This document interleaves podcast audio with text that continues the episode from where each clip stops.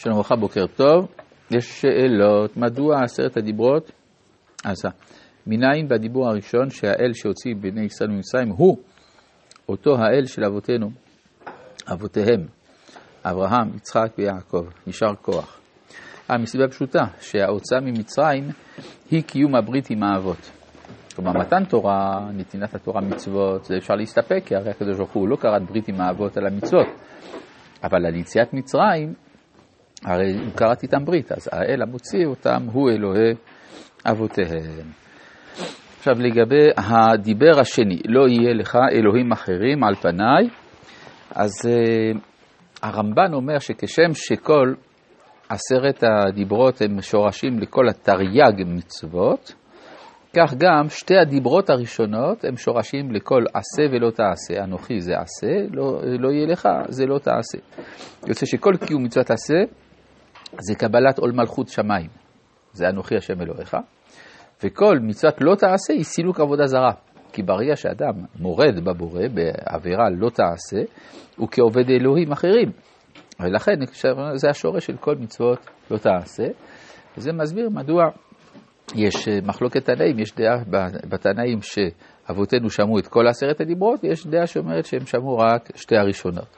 כי שתי הראשונות זה בעצם התמצית של כל העשרה, שהם התמצית של כל התרי"ג. אה, שתי הראשונות זה השם. אה, זה, השאלה היא, גם כל העשרה. לא, מה? זה, זה, זה המחלוקת, זה המחלוקת בין התנאים, כן?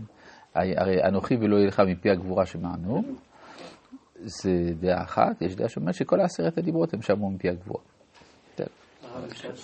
כן, תנסה. אמרת באחת הפעמים הקודמות שדווקא בגלל הגילוי היה עבודה זרה? כן, זה נכון. אפשר להבין את זה? על מה אתה שואל? אני לא מבין, כאילו, בגלל... כן, אבל מה זה קשור למה שאנחנו לומדים? העניין של עבודה זרה. אה, בסדר. למה זה קרה, הוא שואל. לא, לא, לא, לא. ההסבר הוא פשוט. כשיש גילוי אלוהי, אז מרגישים את האלוהים בכל. אז רואים בכל את האלוהות. אז לכן, באופן פשוט, יש עבודה זרה, זה פשוט מאוד. כן. למשל, בזמן שהייתה התגלות, לא היה אתאיזם. עבודה זרה כן, אבל אתאיזם לא. כי אי אפשר להכחיש את המציאות. מה אתה אומר? אנחנו יודעים שאין אלוהים אחרים. אז כשאדם למשל עושה עבירה, הוא עובד לעצמו, זאת אומרת, כמו ברכתי בתורתי וגדלתי בתורתך. כי לכאורה הוא הוא לא בהכרח עובד זרה, הוא עובד לעצמו ולרצון שלו. לא. עובד לאלוהים אחרים. כאילו, לא הבנתי את השאלה. אין אלוהים אחרים, יש רק אל אחד, נכון? זו שאלה או קביעה? לא, אם לכאורה, אבל זה הולך, מי שהולך, נקרא, הוא הולך, הוא עובד עבודה זרה, הוא הוא עובד אלוהים אחרים. אבל במציאות זה דמיון של הבן אדם? זה קביעה או שאלה? לא, זו שאלה. מה זה אלוהים אה? אתה שואל האם יש אלוהים אחרים? לכאורה אנחנו אומרים שלא. אז זה קביעה או שאלה? הבנתי, לא יודע. צריך לברר. כתוב כאן בתורה, כן. יש לנו כלל שקיבלנו מהרב אשכנזי. כדי לדעת מה התורה אומרת, צריך לקרוא בתורה. אם התורה אומרת, לא יהיה לך אלוהים אחרים, מה משתמע מזה? על פניי. מאחוריי יש, נכון? עכשיו, אני רוצה להבין, מה זה שיש אלוהים אחרים? הכוונה, האם למשל אדם שמאמין שהשמש מחממת, האם אדם כזה עובד עבודה זרה? לא, נכון? למרות שהוא מייחס כוח לאחד הנבראים. אז ייחוס כוח לאחד הנבראים, או אפילו לאדם. הנה, יש לנו יכולת להרים חפצים, נכון? נו, אז זה לא עבודה זרה? לא, זה לא עבודה זרה. כי אה, זה שאתה מייחס כוח למציאות כלשהי שהיא לא הבורא, זה אמת. כל, הש... כל האיסור זה לעבוד. עבודה זרה. אבל אם אדם יאמר, כלומר, אדם שיעבוד לשמש, הוא עובד עבודה זרה. אבל אתה אמרת שהיסוד של לא אז, תעשה, אז אם אתה מוכן לקבל שיש גופים חומריים כמו השמש שהם בעלי כוח, איזה איסור יש לחשוב שיש גופים רוחניים, יש ישויות רוחניות בעלות כוח, רק שאסור לעבוד להם. ואני יודע איך קוראים להם גם. הם לא בעלי כוח, הם מלאכים. מה? זה לא שלהם, זה לא שהם יש להם את הכוח מעצמם. זה גם נכון לגבי השמש. זאת אומרת, זה שאתה, ב, יש לך אמונה כוללת שכל כוח במציאות בא מכוח השם, זה גם אמת. אבל זה לא איסור לחשוב שיש כוחות כאלה, נכון? זאת אומרת, האמונה במציאותם של אלוהים אחרים איננה עבירה, היא אפילו אמת. כן, כל הבעיה היא לעבוד להם. לא יהיה לך, מה זה לך אלוהים? כן? לא שלא יהיה אלוהים אחרים, זה בעיה של הקדוש ברוך הוא אם יש אלוהים אחרים או לא, אלא לא יהיה לך אלוהים אחרים על פניי, לא, ואז התוצאה היא לא תשתחווה להם ולא השורש. תדבר יותר, יותר נמוך אם אפשר, כדי שלא אנחנו נשמע. אומרים שאתה אמרת עכשיו שמצוות תעשה זה בחלק הראשון ומצוות לא תעשה, זה בלא יהיה לך, נכון. אבל כשאדם עובר על תעשה, זה לא בהכרח שהוא עובד... אה, עבודה זרה? עבודה זרה. כן, זה ודאי. זה ברגע שאדם עובר על לא תעשה, הוא עובד עבודה זרה. לרצון שלו, כאילו. אה, כן, מה שאמרת, כן. הוא לא, הוא לא, הוא לא נאמן לרצון הבורא. אבל הוא לא עובד אלוהים אחרים. זה, זה בהרחבת הלשון, זה כמו שאמרו, כל הכועס כעובד עבודה זרה. כאילו. כן, כאילו, לא, כל, או כל הדר בחוץ לארץ, כאילו, עבוד, עבוד עבודה זרה, בסדר. אה, יש ביטוי יותר חריף בגמרא במסכת עבודה זרה. ישראל שבחוצה לארץ, עובדי עבודה זרה בטהרה הם. לא כתוב כאילו, כתוב עובדי עבודה זרה בטהרה. כן. כדאי אולי פעם לעשות עליהם כתבה. טוב, עכשיו... אה, אבל הם מתפללים, ברוך השם, והם עושים את כל, ואפילו עושים שני ימים טובים, שגלויות והכל.